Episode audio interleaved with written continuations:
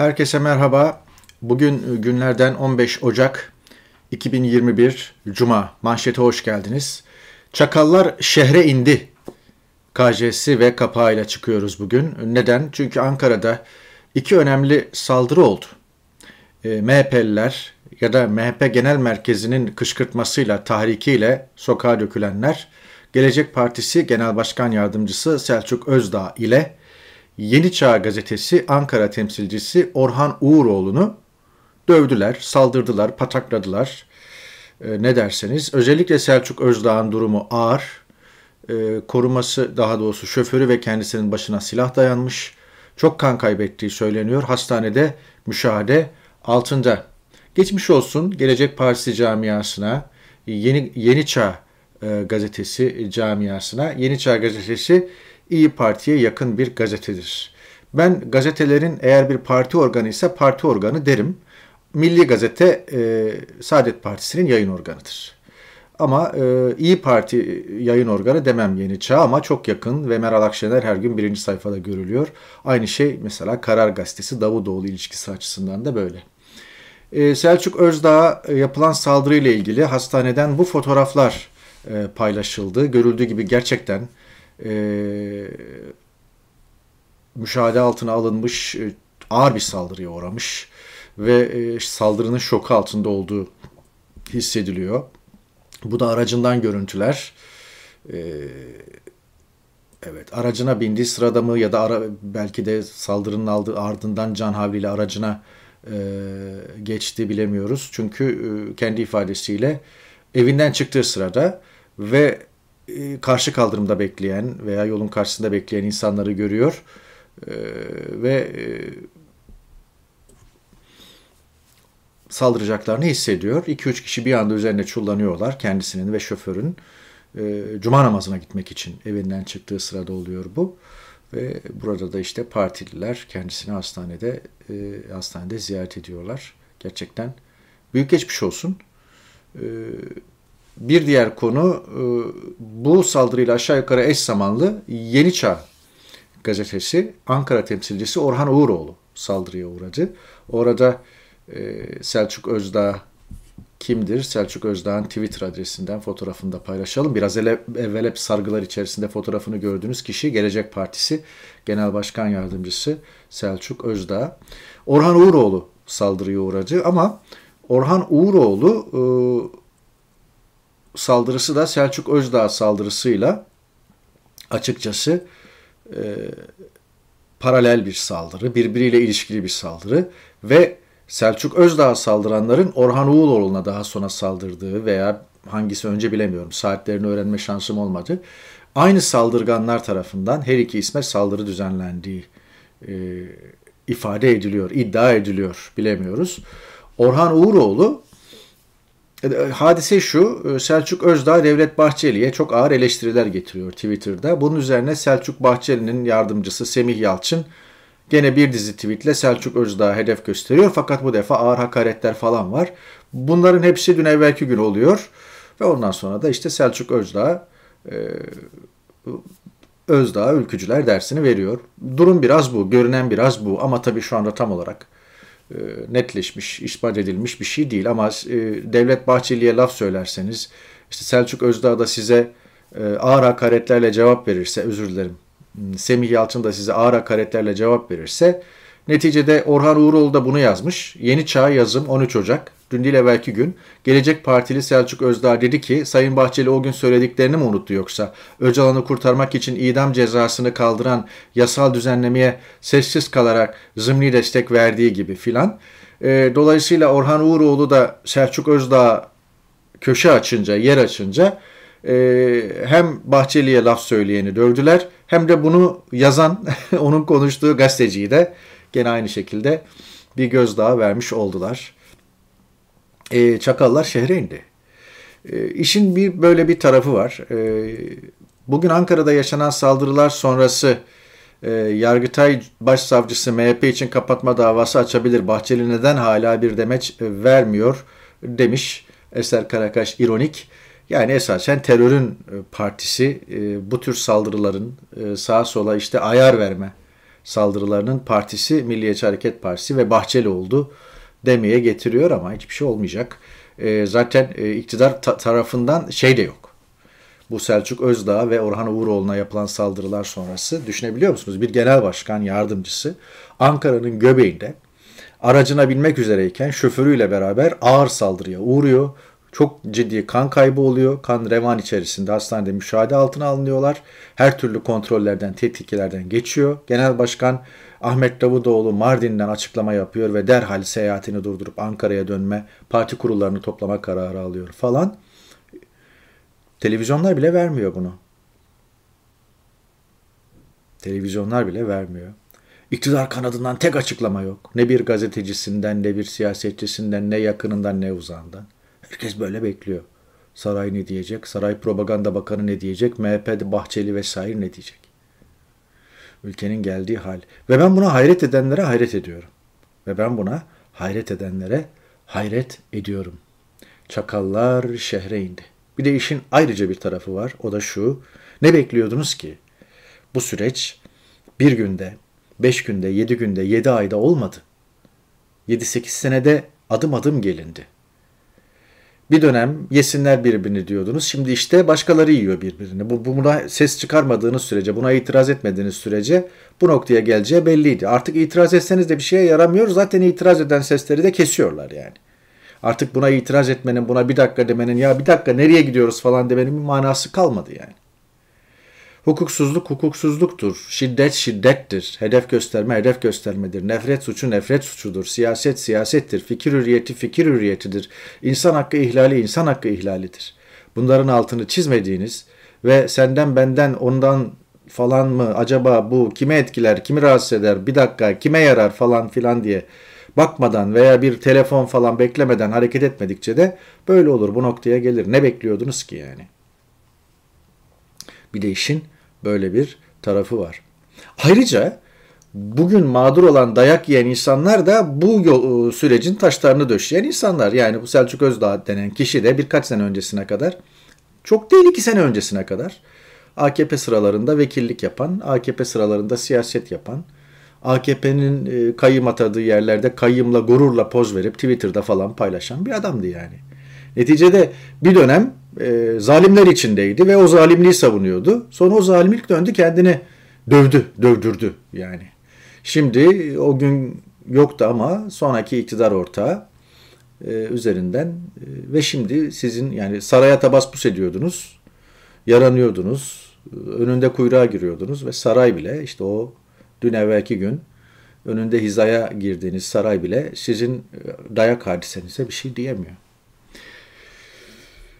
Evet, saray aşılanmış bu arada. Bu mevzuyu kapatıp çakallar şehre indi. Aşılamayla devam edelim. Ee, Erdoğan aşılama görüntüsünü paylaştı. Kimse inanmıyor tabii. Ee, Sinovac veya da Coronavac e, Çin menşeli aşı vurulduğuna. Ee, o arada ANAP şey AKP MKYK da aşılanmış yani. Neticede ilk aşılama grubunda yaşlı olan insanlar var, sağlık çalışanları var vesaire. Hiçbirisi sağlık çalışanı olmadığı ve hiçbirisi yaşlı olmadığı halde belki birkaç kişi giriyor buna. Neyse bütün MKYK'da aşılandı diyorlar. Ee, geçmiş olsun ama ne Erdoğan'ın ne de işte Bahçeli de fotoğraf paylaştı aşılandığına dair ne de Bahçeli'nin ki zaten e, Sinovac, Coronavac aşısı e, 60 yaş üstüne üstünde denenmedi.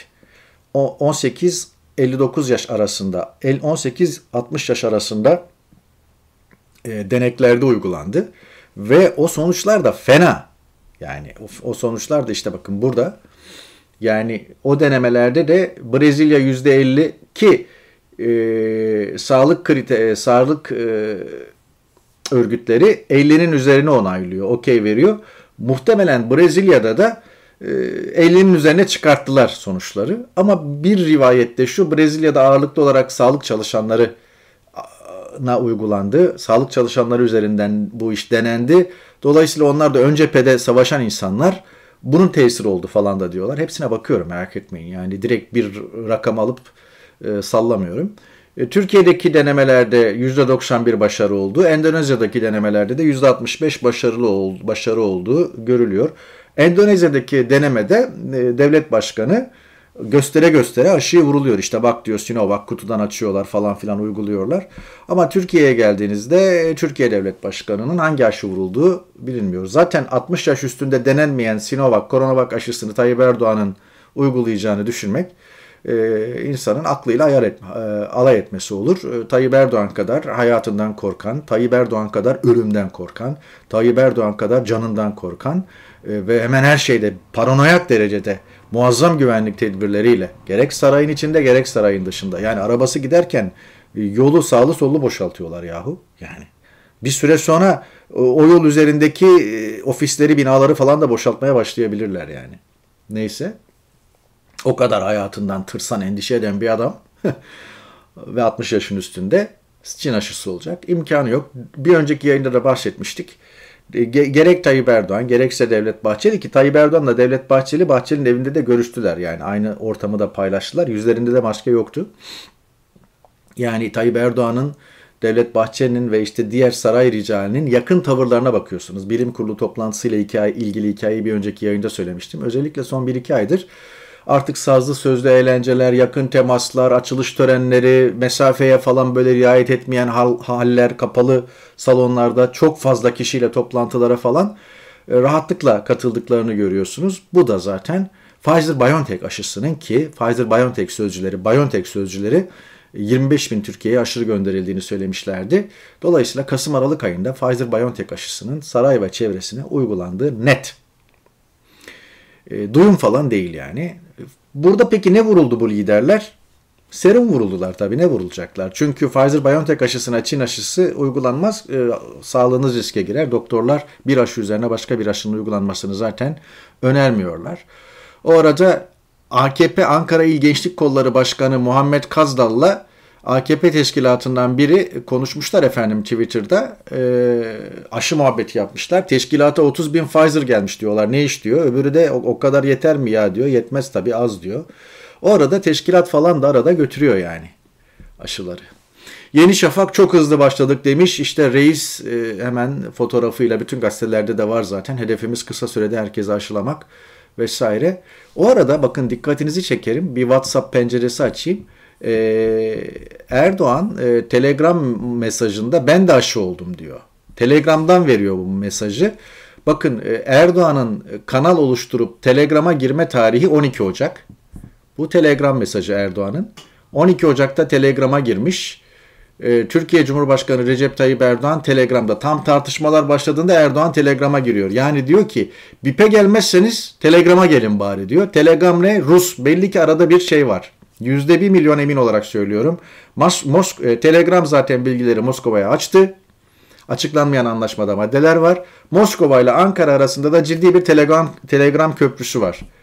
Yani BİP'e gitmeyip Telegram'a gidenleri bile alıyorlar. Sonra da işte oradan ben de aşım oldu, aşı oldum diye Erdoğan paylaşıyor ve e, onun fotoğraflarını da gene Telegram'da böyle paylaşıyor.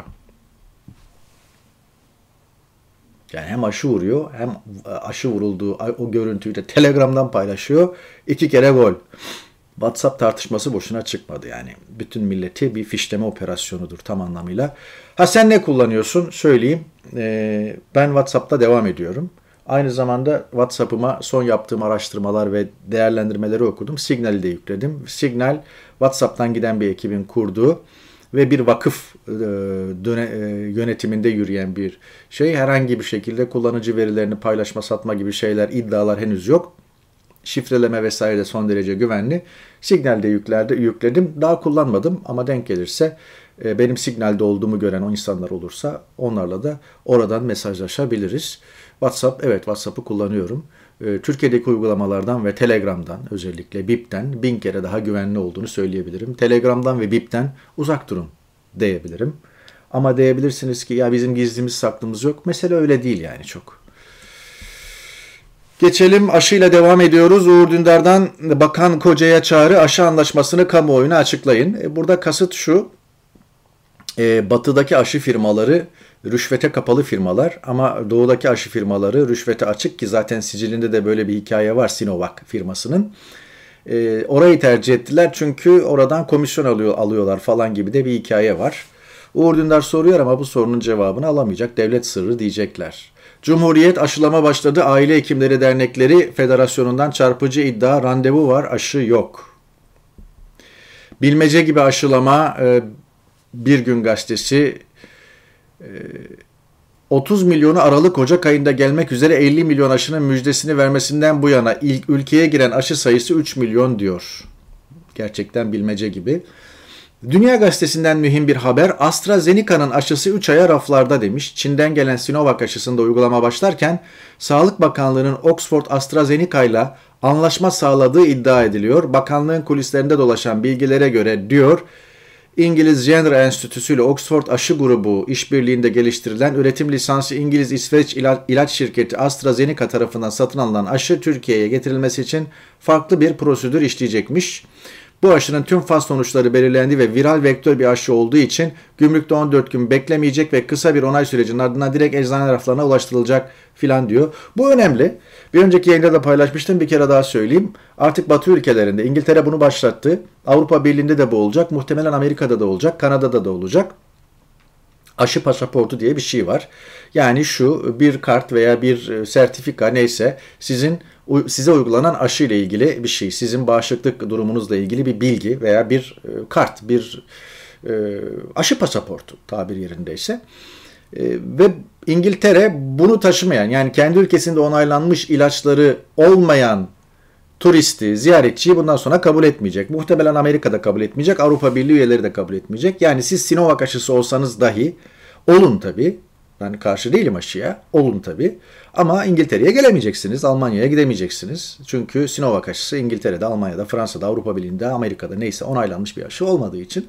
Dolayısıyla AstraZeneca aşısı hem ucuz bir aşı, Hindistan'da falan da üretiliyor. Orada 1 milyar Hindis, 1 milyarın üzerinde Hint nüfusu var vesaire. Ee, hem de gerçekten böyle e, ucuz bir aşı, dağıtımı kolay, eksi 70 derecede falan saklanmadığı, buzdolabı e, soğukluğunda, sıcaklığında neyse e, taşınabildiği ve uygulanabildiği için Dolayısıyla AstraZeneca'nın açısından pek çok zaten parası olmayan 3. dünya ülkeleri için falan geliştirilmiş bir aşı. Bir tarafında Oxford olduğu için de Türkiye'de uygulanırsa çok sevindirici en azından batı, batı onaylı bir ilacı vurulanlar e, rahatlıkla e, batı ülkelerine e, seyahat edebilirler. Randevu var, aşı yok. TR724'ün e, Recep Tayyip Erdoğan aşı olurken çekilmiş fotoğrafı eşliğinde. Aşı olurken insanlar böyle işte gömleklerini, tişörtlerini falan sıyırdılar ama Erdoğan için özel bir kostüm düşünülmüş bu arada. Böyle V yakalı bir siyah bir şey giydirilmiş. Kolsuz veya hafif Evet bir kolu var yarım kollu bir tişört ve yakalı giydirilmiş. Ona özel ona şey bu şekilde de aşı olmuş. Oranları vermiştik tekrar etmeyelim. Sayın Bakan millete etkisi belirsiz Çin aşısını iktidar çevresine de etkisi kanıtlanmış Alman aşısını yaptırdığını söyleniyor. Almanca konuşuyor da bir sağlık bakanı. Evet.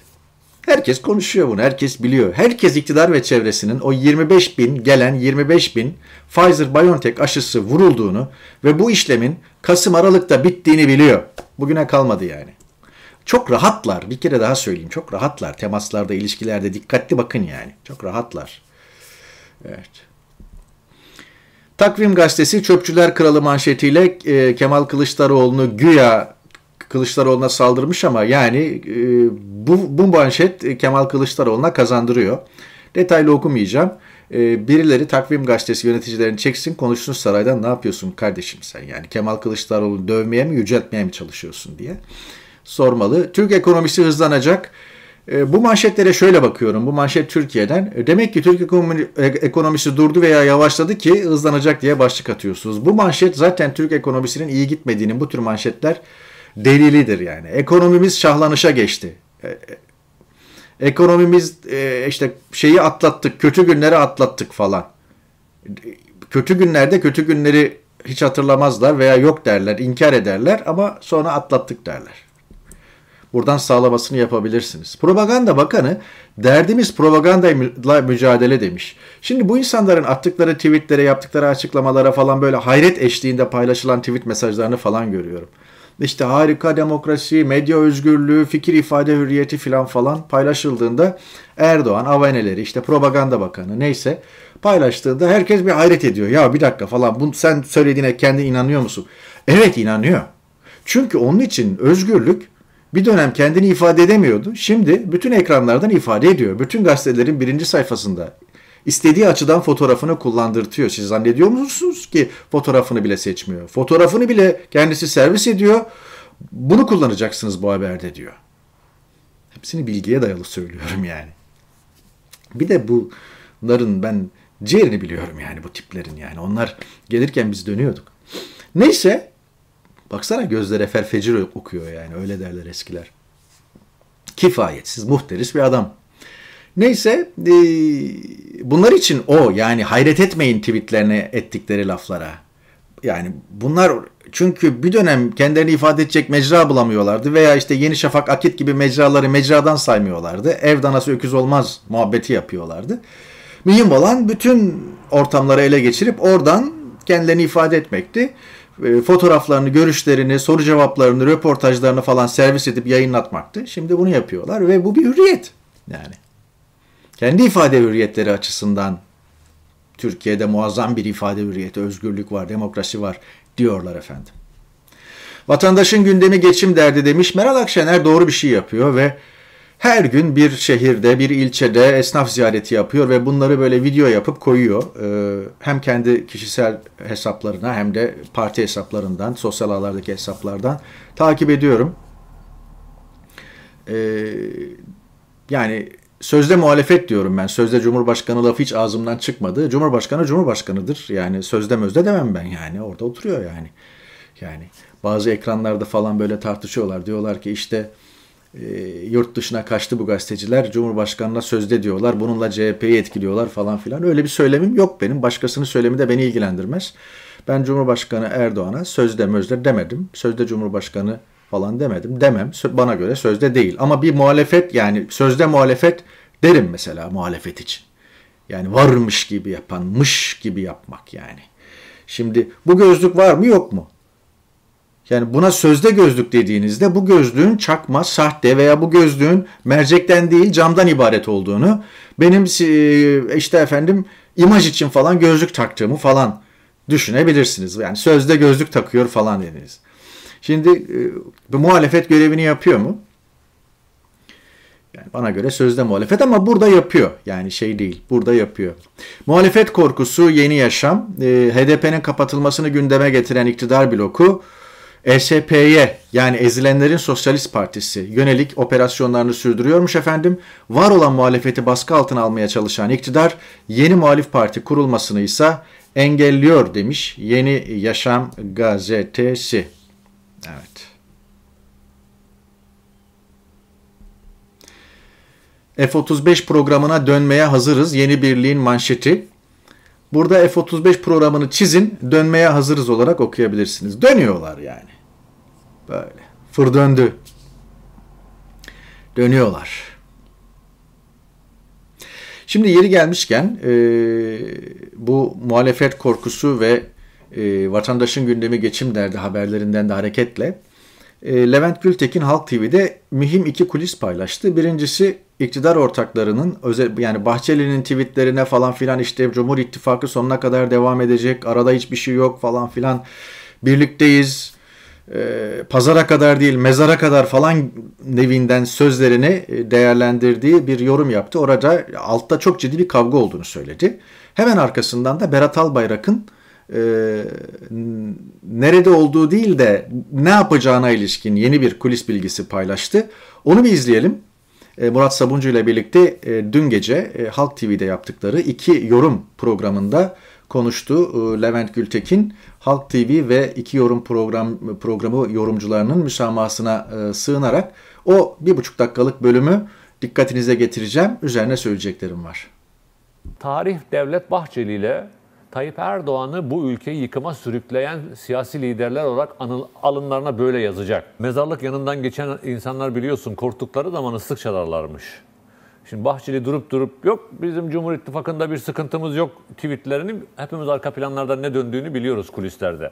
İspat edemediğimiz için burada paylaşamıyoruz. Nasıl kavga ettiklerini, nasıl bölüştü, bölüşemediklerini, birbirlerine nasıl tavizler verdiklerini, nasıl alttan aldıklarını, nasıl üstten aldıklarını, zaman zaman nasıl restleştiklerini, zaman zaman tekrar nasıl bir araya geldiklerini bunları biz de biliyoruz sadece Bahçeli değil. Ama şu anda dediğim gibi iki tarafın birbirine olan muhtaçlığı ve ikisinin zihninin de kötülük üretmesiyle beraber o kötülüğün ittifakına olan mecburiyetle beraber sürdürüyorlar. Umut ederim ki ülke bunlardan kurtulur, kendileri istedikleri kadar sürdürebilirler. İnandığım için paylaşıyorum burada. Damatla barışmış Cumhurbaşkanı Erdoğan. Muhtemelen bir, bir hafta 10 güne, 15 güne kadar da sarayda tekrar görevlendirilecek. Bir bakanlar kurulu değişikliği hazırlığı varmış. Onunla beraber damat da şey gelecek. Şimdi o zaman ben muhalefete şunu soracağım o gün geldiğinde. Buyurun damat burada arıyordunuz ne yapacaksınız? Hani ne yapacaksanız onu yapın diye. E, bunu da vermiş olayım. Acaba diyorum Bahçeli ile konuşmaları bütün bunların hepsinin sonucunda mı böyle bir adım atılıyor? E, ama damat nerede diye merak edenlere en azından böyle bir kulis bilgisi paylaşmış olayım. Bakanlar Kurulu'na değil de daha çok bir danışmanlık gibi yani, bir pozisyonu. Yani sarayda bir görev verilecekmiş diye biliyorum. Yani evet. yakınında yani diye evet. öyle duydum. Evet. Murat Sabuncu, Levent Gültekin iki yorum programından bir buçuk dakikalık bölümü gerek Halk TV yöneticilerinin gerekse yorumcuların müsamahasına sığınarak kesip biçmeden e, getirdim. E, iktidar, e, iktidar ortakları, Cumhur İttifakı unsurları arasında alttan alta çok ciddi masa altından tekmeleme olduğunu, bu bilinmeyen bir şey değil. Zaten bu tekmelemenin, bu karşılıklı idrar yarışının sonuçlarını görüyoruz. E, artı takip ettiğinizde nerede ne sıkıntı olduğunu da görüyorsunuz. E, bir hafta 10 gün içinde 3 kere görüşme çok hayra alamet bir şey değil. Görüşülüyor. Görüşüldükten sonra yani Levent Gültekin'in biraz da kastettiği o. Orada bir şeylere karar veriliyor veya bir şeyler konuşuluyor veya iki taraf birbirine belki sitemde veya ricada bulunuyor. Neyse. E sonra ertesi gün gene işler başka bir noktaya gidiyor. Üç gün sonra bir daha bir görüşme oluyor falan. Tabi arada sınırsız telefon görüşmesi başka şeyler olabilir bilmiyoruz. Açıklanmadığı için bilemiyoruz. Berat Albayrak'la ilgili bilgi de önemli. Fakat bunda kamuoyu baskısının muhtemelen tesiri oldu. Bu kadar nerede nerede nerede sorusu üzerine e, artık herhalde e, bir şekilde bir şey yapalım da bu bize zarar verecek falan noktasına geldi. Muhtemelen sarayda ekonomi danışmanı olabilir Tayyip Erdoğan'ın. Evet. Agos gazetesi sona geliyoruz. Ee, anıyoruz, özlüyoruz, soruyoruz. Ee, Hrant Dink'in ölüm yıl dönümü. Ee, 14 yıl geçti. Onu her geçen gün, her geçen yıl daha da özlemle anıyoruz. Kapağıyla çıkmış Agos gazetesi. Evet, Ermeni cemaatinin gazetesi Hrant Dink'in genel yayın yönetmeni olduğu gazete. Hrant Dink'in ölümünün aydınlatılması Türkiye'de pek çok karanlık noktanın da aydınlatılması manasına gelir. Yakın vadede umutlu musun? Hayır. Ama orta vadede, uzak vadede kesinlikle umutluyum. Aydınlatılsın ki Türkiye kendi geçmişiyle, geçmişiyle yüzleşsin. Türkiye ve Türkiye gibi ülkeler, özellikle Orta Doğu, Asya ülkeleri kendi karanlık geçmişleriyle, katliamlarıyla, soykırımlarıyla yüzleşmedikçe e, bir arpa boyu yol ilerleyemez. Yüzleşmemelerinin nedeni de yenilerinin sırada olmasıdır. Hep söylüyorum yani. Shalom e, gazetesi manşetinden 2020'nin özeti pandemi ve geçim sıkıntısı Türk halkının düşünce, görüş ve tespitlerine ışık tutan Türkiye'nin gündemi geleceğine yönelik olası sorunlara kamuoyunun bakışını gösteren Türkiye İlimleri Araştırması'nın 2020 sonuçları açıklandı. Dini kimliklere göre kamuoyunun farklı kimliklerle komşu olma isteği demiş Evet. Dindarlarla komşu olmak ister misin? Sünnilerle, Alevilerle, farklı mezhepten olan vesaire. Bununla ilgili bir araştırma. Farklı komşu istenmiyor diyor. Evet. Farklı komşu istenmiyor. Kesinlikle istemem. %27 ateist komşu. Kesinlikle istemem. %23 Musevi komşu kesinlikle istemem. %23 Hristiyan komşu kesinlikle istemem. İstemem de buna yakın. Yani aşağı yukarı %48 ateist veya e, ateist komşuyu %48, %49 kesinlikle istemem, istemem noktasında. Musevi komşuyu yaklaşık 44, %44 istemem, kesinlikle istemem noktasında. %44-45 Hristiyan komşuyu gene istemem, kesinlikle istemem noktasında gelinen nokta. Evet. Son not. Sevim Gözay tanırdım. Beraber aynı e, mecralarda, aynı kanallarda çalıştık. 48 yaşında gencecik bir kadın gazeteciydi. E, CNN e, Türk ekranlarında e, Kozmopolis e, programını yaptı. Aynı programı Kanal Türkiye Kozmo Plus adıyla taşımıştı. Çalıştığı yerler sayılırken Kanal Türk'ü saymıyorlar. Vebalı ya artık. Neyse.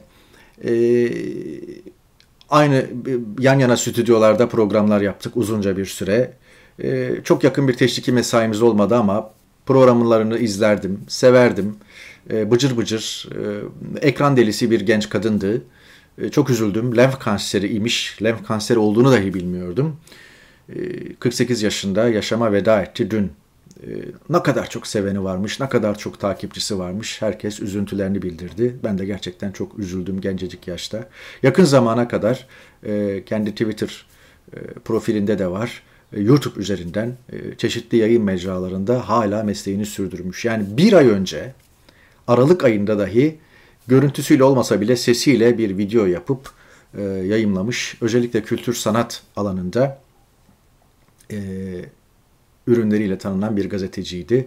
Medyamıza, kurumlarımıza çöküldükten sonra acaba yeni gittiğimiz mecralarda Can Erzincan TV vesaire gibi bir şeyler yapabilir miyiz diye oturup kahve içmiştik. Fikir teatisinde bulunmuştuk ama bütçe engellerini falan aşamadık o günlerde ve bir daha da karşılaşamadık. Üzerinden 5 sene geçti. Farklı vadilere savrulduk. O İstanbul'da kaldı. Ben İngiltere'ye geldim. Çok üzüldüm.